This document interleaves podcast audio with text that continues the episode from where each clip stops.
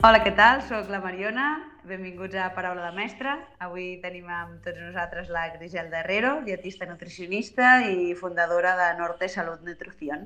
És experta en, psico, en psiconutrició i, el tra i tractament de la de l'obesitat, a part d'escriptora de, de diversos llibres. Hola Griselda, ¿qué tal? Buenas tardes. Hola, ¿qué tal? Buenas tardes. Pues encantada de estar aquí con vosotros.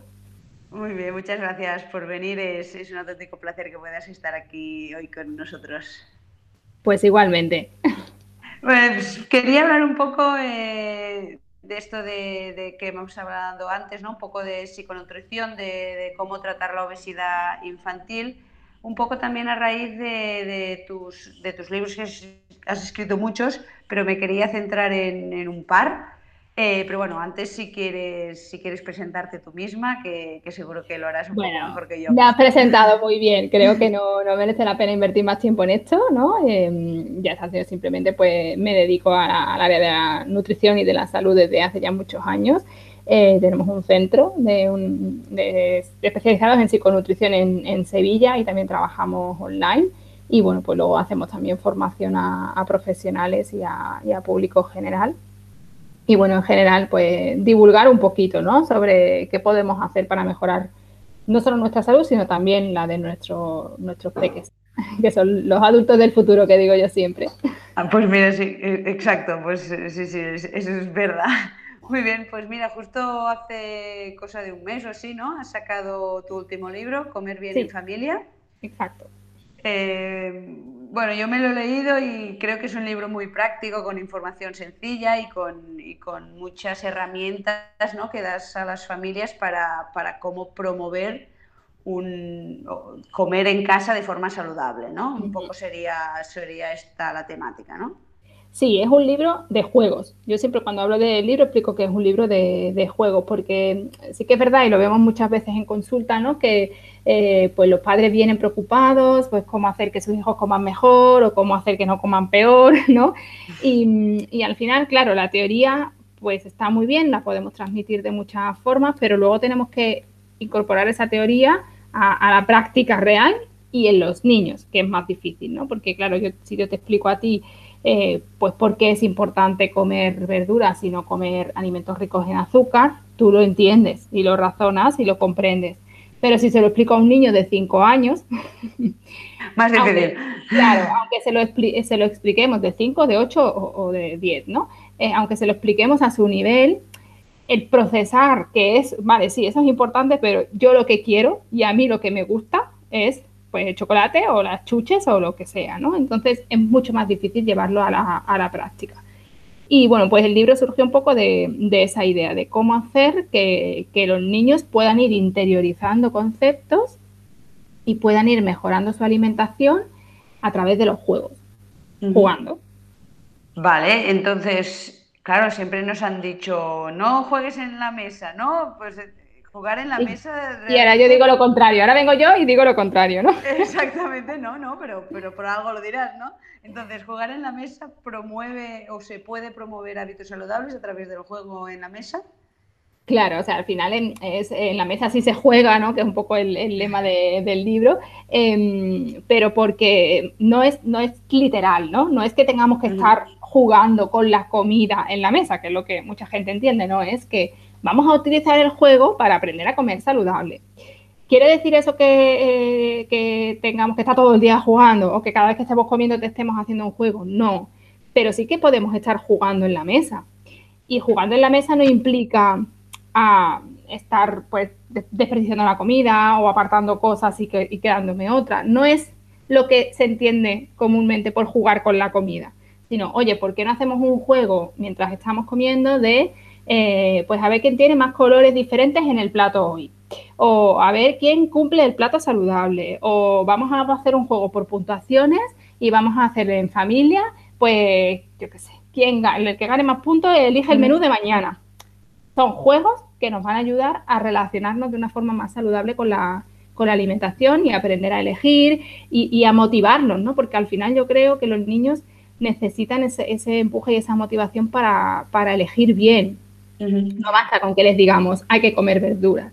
Tenemos que motivarles, implicarles para que ellos elijan comer verduras, ¿no? Claro, y eso de también motivarlos, ¿no? Implicarlos también son, en el libro lo aplicas, ¿no? Con juegos previos, ¿no? Al, momento de la cena. claro, o sea, compra o preparar un menú semanal. Exacto. Oye, pues si yo quiero que mi hijo se coma el plato que vamos a preparar hoy, ¿qué tal si me lo llevo a hacer la compra?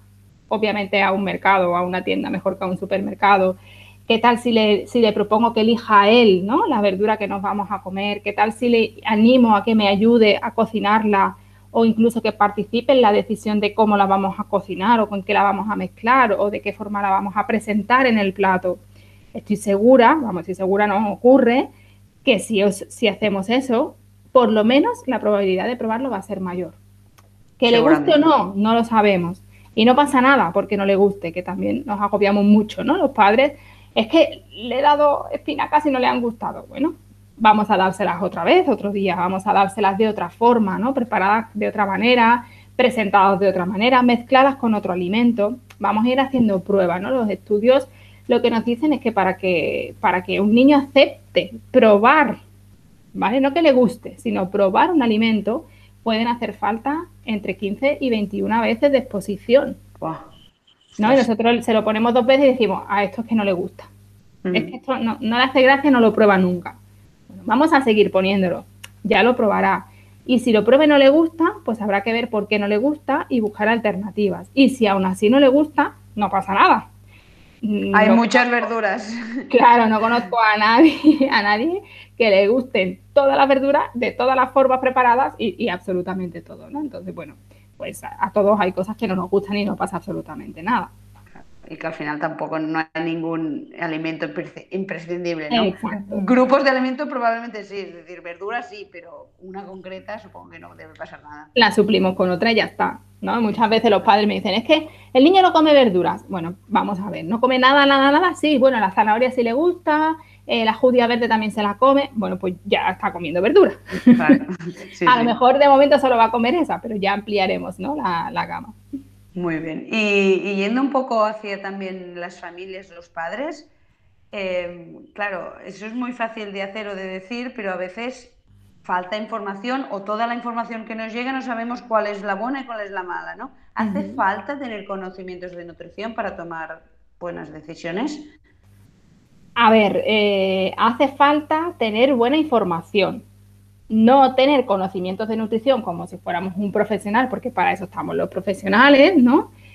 Pero sí saber, saber informarse. ¿Por qué? Porque vivimos en una sociedad en la que estamos muy intoxicados ¿no? de, información y, informaciones muy contradictorias, informaciones muy sesgadas, muchos conflictos de interés a nivel alimentario, desde las organizaciones públicas no se nos mandan mensajes claros bajo mi criterio, ¿vale? Esto es una opinión personal. Entonces sí que creo que, falta como claridad en la información que les llega a las familias, ¿no? Em, y ahí sí que creo que es un poco responsabilidad de las familias de, buscar esa manera de informarnos un poquito más. O por lo menos de saber dónde podemos buscar esa información, ¿no? No nos tenemos que convertir en expertos en nutrición, por supuesto, porque si no se extinguiría nuestra profesión. Pero bueno, sí que es verdad que saber un poco lo que hacemos, igual que en otras áreas, ¿no? Pues... Tomar conciencia, claro, es como si el que empieza a hacer deporte, ¿no? Pues yo a lo mejor si no tengo ni idea y el, día que empiezo, pues empiezo a entender que hay deportes de fuerza, que hay deportes... No voy a ser experto y probablemente no le pueda poner una planificación de ejercicio a otra persona, pero sí voy a entender ciertas cosas y voy, a tomar conciencia de eso y voy a poder elegir mejor, ¿no? O decidir mejor. Y, en general saber qué le va bien y qué no le va bien a, mi hijo. Claro, exacto. Y entonces, eh, también en tu libro destacas mucho el comer en familia, ¿no? Eh, también es un hábito muy importante. ¿Por qué comer todos juntos o, tranquilamente en la mesa es tan importante? Pues mira, en la infancia tenemos que pensar que, ocurren dos cosas. Uno, que, los niños e, e, imitan, ¿no? Reproducen todo lo que ven y a quien ven a sus progenitores o a las personas con las que convivan más tiempo, porque muchas veces convivimos, los niños conviven más tiempo con, otras personas, como los abuelos, por ejemplo. Pero también, em, pero también ocurre que, aparte de, de que aprendemos por imitación, que el nexo familiar, la unión de la, de la familia es muy importante para generar hábitos. ¿Vale? Entonces, si yo quiero Con esto quiero decir que no basta solo con comer en familia, sino que los padres tenemos que comer saludable si queremos que nuestros hijos coman saludable. Eh, yo como le digo a mi hijo, eh, no, tú te tienes que comer las verduras mientras yo me estoy comiendo un plato de patatas fritas. pues me va a decir, mira, para ti las verduras y para mí las patatas fritas, ¿no? Entonces, em, el hecho de comer en familia genera ese hábito alrededor de la mesa, de que todos estamos en familia, en la mesa hay ciertos alimentos, a lo mejor cada uno se sirve pues de unos o de otros, más o menos cantidad de cada uno, pero esto es lo que comemos en casa.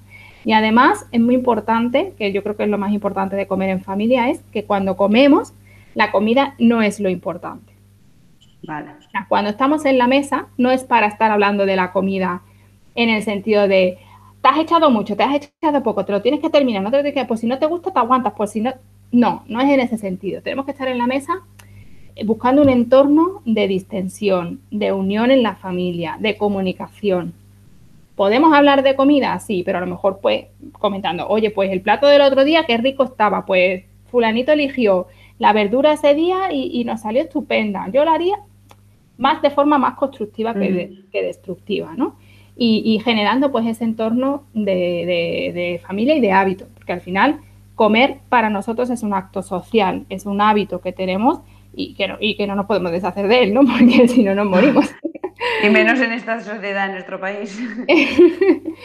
Entonces, eh, bueno, pues yo creo que, parte de ese hábito de alimentarse está también en cómo lo hacemos.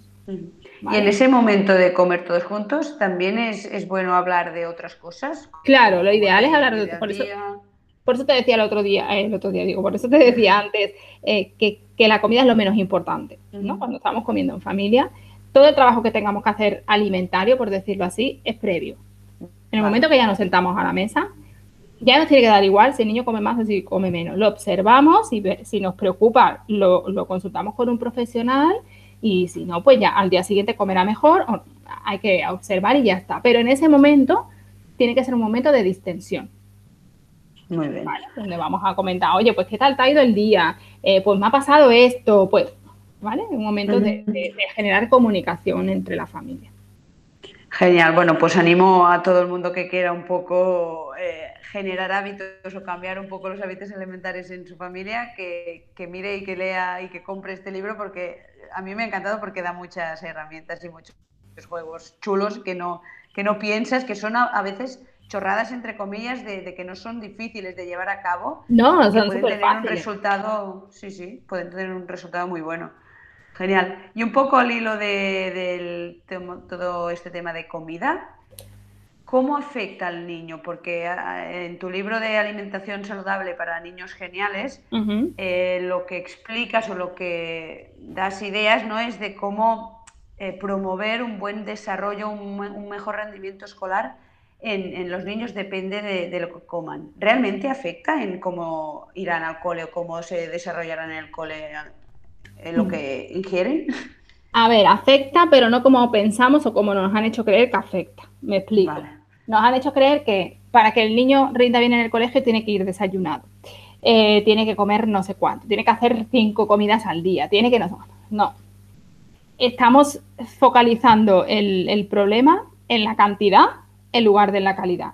No es que desayune, es lo que va a desayunar.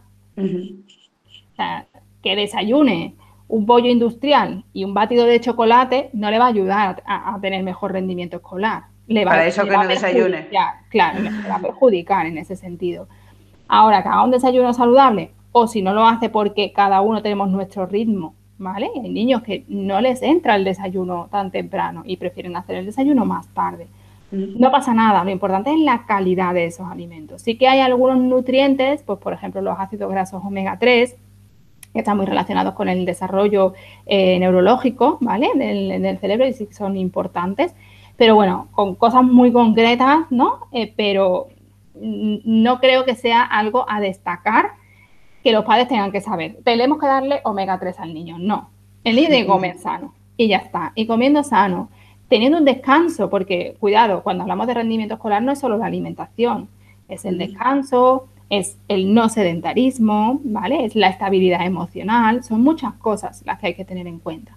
Entonces, em, no nos centremos solo en que desayune o que no desayune, en que haga cinco comidas o no, cuando a lo mejor esas ingestas no están siendo saludables o no están aportando los nutrientes que nuestro cuerpo necesita. Muy bien, o sea que, ya es lo que dices, si te comemos variado y sano, todo esto que beneficiará al desarrollo ya estará dentro de, lo que estamos comiendo. Exacto. Muy bien. Y te decía antes que no tenemos que tener grandes conocimientos de nutrición, ¿no? sino solo un poco de información. Claro, y, bueno, y aplicar cosas más básicas que después nos, nos, darán eso, la, ley este de, Pareto, ¿no? Creo que con el 80% o con el 20% de las acciones conseguimos el 80% del resultado. O sea, con poquito ya podemos hacer mucho. Eso es. Muy bien. ¿Y qué, influencia tendrá los, eh, los hábitos ¿no? de, cuando eres pequeño? A, mayores, ¿no? Porque antes has dicho esto de que justamente los niños son los adultos del futuro. ¿Cómo, cómo influye tener buenos hábitos desde pequeños? Pues mira, los hábitos se desarrollan en la infancia y son lo que nos va a quedar, digamos, impregnado ¿no? en, nuestra, en nuestra rutina. Por tanto, cuantos mejores hábitos aprendamos cuando somos niños, sobre todo en la familia, pues mejor vamos a desarrollar luego a lo largo esos hábitos de forma automática, ¿no? Pues porque por eso se han convertido en hábitos. Es obvio que nosotros podemos cambiar los hábitos, no hay ningún problema, se puede hacer. Lo que pasa es que la dificultad para hacer ese cambio va a depender del tiempo que yo lleve, ¿no? Si yo he aprendido un mal hábito desde muy pequeñito, llevo pues 20 o 30 años haciéndolo, voy a necesitar esforzarme mucho más para poderlo cambiar y probablemente me lleve más tiempo que si lo, llevo haciendo un año o dos, ¿no? Pero eh, los hábitos de salud no solo son alimentarios, son de muchos tipos y va a depender de cuántos de esos hábitos tengamos más o menos saludables. En cualquier caso, así de forma muy genérica, sí que es cierto que no llevar unos hábitos saludables de alimentación, pues descanso, ejercicio, etcétera, etcétera, puede aumentar el riesgo de desarrollar ciertas enfermedades. Enfermedades como muchas de, bueno, algunas de ellas ya están empezando a aparecer a edades muy tempranas. Por ejemplo, la diabetes, que es una enfermedad que yo creo que la subestimamos, ¿no? Y no nos parece grave, pero es una enfermedad grave que puede traer consecuencias bastante importantes, incluso la muerte, ¿no? En algunos casos, o perder un pie o quedarnos ciegos, que, parece una tontería, pero bueno. se dice rápido. Vale, no. es que tiene diabetes. Bueno, es que vamos a tener cuidado con la diabetes. Em, entonces, bueno, pues tener una mala alimentación y ser sedentario aumenta el riesgo de tener diabetes. Y tenemos muchos niños con prediabetes y diabetes tipo 2, que es diabetes eh, producida por los hábitos, ¿no? Eh, podemos tener hipertensión. Hay niños con hipertensión por exceso de sal, de consumo de, productos ultraprocesados. Hay niños con dislipemia, con colesterol alto. Que un niño tenga el colesterol alto para mí es bastante alarmante. Un niño que se supone que tiene que estar moviéndose mucho y que su alimentación, pues más o menos va a ser eh, eh, equilibrada, ¿no? No tendría por qué tener los niveles de colesterol alto, a no ser que haya un problema de otra, otra patología. Y como es otras muchas enfermedades, ¿no? Esas son como las tres más comunes, pero bueno, podemos desarrollar otras enfermedades dependiendo del tipo de, hábitos que tengamos. Pero ya voy más allá de los hábitos, o sea, voy más allá de las enfermedades, es qué relación estoy adquiriendo yo con mi alimentación. Si yo desde pequeño estoy aprendiendo a mm, consolarme con la comida, me están premiando con la comida, o me están obligando a comer, o me están prohibiendo comer, yo puedo desarrollar un trastorno alimentario del comportamiento alimentario, cosa que está aumentando drásticamente en los últimos meses y que cada vez encontramos a edades más tempranas. ¿vale? Niños con 8, 9, 10 años con trastornos alimentarios. No quizá de los que están muy definidos en el, en el manual diagnóstico, ¿no? en el DSM5, anorexia, bulimia, trastorno por atracón, pero sí alteraciones en el comportamiento alimentario, comer emocional, eh, ansiedad con la comida, muchos picoteos, descontrol, y que un niño con 8 años, como yo he tenido en la consulta, tenga este tipo de sintomatología, para mí es alarmante. algo, estamos, algo estamos haciendo mal, los profesionales también, sobre todo, ¿no? De, aquí no estamos enfocando bien e, este aspecto porque esto no puede ser. No puede ser que un niño con 8, con 10 años eh, tenga ansiedad con la comida. Claro, no, y yo también incluyo la escuela, que es mi, mi, mi sitio, digamos, a veces no es que dicen que se tiene que enseñar todo en la escuela, bueno, pero es que probablemente cosas como, no nutrición en sí desde pequeños, pero sí unos buenos hábitos, una buena, eso que dicen, ¿no? una, buena, una buena relación, no obligar a comer. ¿no? Cosas así. Al final es un tándem, ¿eh? Yo no, yo no creo que ni los padres sean responsables máximos mm, de todo, ¿no? De todo. Es que, es que lo hemos hecho fatal o es que lo estamos haciendo muy bien, ni la escuela, ni... Eh, eh, esto es responsabilidad. Yo pongo en el libro, en la introducción, una frase que pongo es que, la salud es responsabilidad de todos, tengamos o no tengamos hijos. Porque yo con mis hijos tengo la responsabilidad de educarlos lo mejor posible en todos los ámbitos, en valores, en, hábitos, en alimentación, pero es que cualquier persona también es responsable de hacer mejores o peores elecciones. Y esas elecciones van a repercutir en la oferta que se nos hace. Si toda la población dejara de beber refresco de cola, te aseguro que la empresa que vende refresco de cola desaparecería. Entonces, todos somos un poco, que no se trata de que tenga que desaparecer, ¿no? Pero que no, un ejemplo de que todos somos responsables de la sociedad que estamos construyendo. Entonces, bueno, pues ahí nos tenemos que responsabilizar todos un poco. Las políticas sociales y públicas, por supuestísimo, tienen un papel muy importante que bajo mi punto de vista no se está abordando de forma correcta o por lo menos eh, con la celeridad que debería abordarse tal como está la situación ahora, ¿no? Entonces yo creo que, esto es como un engranaje, somos muchas piezas y tenemos que ir encajando esas piezas porque si no difícilmente vamos a construir una sociedad más sana. Claro, o sea, todo el mundo poner, poner su granito y aquellas instituciones que tienen más peso, pues también yo creo que, que hacer un poquito que hagan su, labor. Exactamente. Muy bien. Y antes has, comentado eh, un poco en relación a lo del desayuno, ¿no? Es este mito de que tienen que desayunar sí o sí. sí. Si me pudieras decir otro que digas, mira, es que este no hay manera de quitar eh, este mito de la cabeza de, la gente para desmitificar. ¿Cómo desmitificar que hay que desayunar? No, eh, un, otro, otro mito que tú digas, mira, es que este también está tan arraigado que quiero hacer ver que no es tanto, ¿no? Otro mito así muy, muy gordo que, que pienses. Mm, estoy pensando más en población infantil. Bueno, lo de las cinco comidas también es muy típico, ¿no? Que haya que hacer cinco comidas y que hay que hacer las meriendas y todo, todo eso, que pues tiene el, mismo fundamento. O sea, yo es que pienso que en el tema de la alimentación eh, la máxima que hay que aplicar es la flexibilidad y la adaptación. ¿no? tenemos que ir adaptando y flexibilizar eh, las elecciones en función de la situación, de las circunstancias y de, nosotros. ¿no? Cada uno pues tiene sus ritmos. Hay gente que es más activa por la noche y otra gente que es más activa por las mañanas. Pues con la alimentación pasa igual. Hay gente que es de desayunar, hay gente que no. Hay gente que es de comer cinco o seis veces al día y gente que con tres veces al día pues no tiene sensaciones de hambre ni nada. ¿no? Vale. Entonces, bueno, yo creo que el mito máximo es eh, se puede comer de todo. Muy bien, si vas a una fiesta te comes el pastel, pero no te lo comerás cada día en casa. Exacto, se puede comer de todo. Bueno, se puede comer de todo, claro, eh, pero hay que saber, saber elegir, ¿no? Y no es lo mismo, se puede comer de todo en un mercado que en un supermercado. Eso es verdad, sí, sí. Muy bien. Y ya para, para ir acabando, si me gusta hacer esta pregunta, si solo pudieras escoger un hábito o un consejo para dar a, las familias para que sus hijos o sí, eh, tengan una buena relación con la comida, ¿cuál sería? ¿Qué es lo más eh, queda un poco superficial, pero bueno, ¿por dónde empezar? Pues yo diría, primero tomar conciencia de si hay algo que creo que estoy haciendo mal, ¿no? Y, y, buscar pues alternativas para hacerlo. Y luego, estamos hablando de niños, ser pacientes y constantes. Importante. ¿Vale? Pacientes y constantes. Creo que, que, eso englobaría todas las cosas que hay que hacer. Pues mira, eh, ahora analizando así un poco rápido, engloba mucho por, por, todo lo que dices, paciente y constante. Pues mira, me lo apunto también para aplicar. Engloba pues, lo que hablábamos, ¿no? De exponer distintos alimentos, engloba el, el, ser respetuosos con las elecciones que hacen los niños, pues a la hora de ya no quiero comer más o si quiero comer más, pues todo eso, ¿no? Al final y no, hacerlo un día solo. Alimentaria. Claro, por eso es constancia. Por eso, muy bien. Pues ostras, genial, eh, Griselda, muchas gracias. La verdad es que nos has dicho y dado muchos tips que, pueden ayudar mucho, ya no solo a familias, sino a los profesionales que estamos con, niños, que también creo que, nos puede ayudar a, a, mi entender. Pues muchas gracias, de verdad. Muchísimas gracias a ti por, por invitarme, ha sido un placer.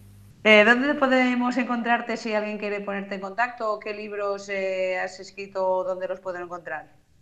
Pues mira, eh, los libros los podéis encontrar en cualquier plataforma, en la página web nuestra también. Si los queréis recibir dedicados, pues os los mandamos desde la web, que es www.nortesalud.com. Eh, tenemos, yo tengo seis libros publicados, cuatro dirigidos a población general y dos para profesionales. Y luego, pues nos podéis encontrar en la página web. Nosotros tenemos un centro en Sevilla. A través de la página web podéis contactar con nosotros si necesitáis información para algo. Y luego a través de redes sociales en Instagram, Griselda Herrero-DN, eh, y en Twitter y en, y en Facebook como Norte Salud y Norte Salud Nutrición, respectivamente. Muy bien. Yo personalmente recomiendo mucho tu Instagram porque haces unas infografías o unos textos muy cortitos, pero que dan mucha información y muy, muy sencilla que, que puede ayudar también mucho. Pues muchísimas gracias. La, verdad es que de vez en cuando te, te reinstagramo, como se llame, porque, porque es, es, la verdad es que es, es, muy útil. Pues nada, lo que lo dicho, muchas gracias de verdad, ha sido un placer y encantada de, de que te hayas pasado por aquí. Gracias a ti y nada, enhorabuena por esta iniciativa que creo que, que, el colegio, ¿no? la educación desde la escuela tiene un papel muy importante también. Gracias, poquito a poquito. un abrazo. Pues, adiós, un abrazo. I fins aquí l'episodi d'avui. Espero que us hagi agradat l'entrevista amb la Griselda i que ens hagi aportat a tots una miqueta. Res més, us deixo tots els enllaços a les notes de l'episodi i ens escoltem a la propera. Abraçada!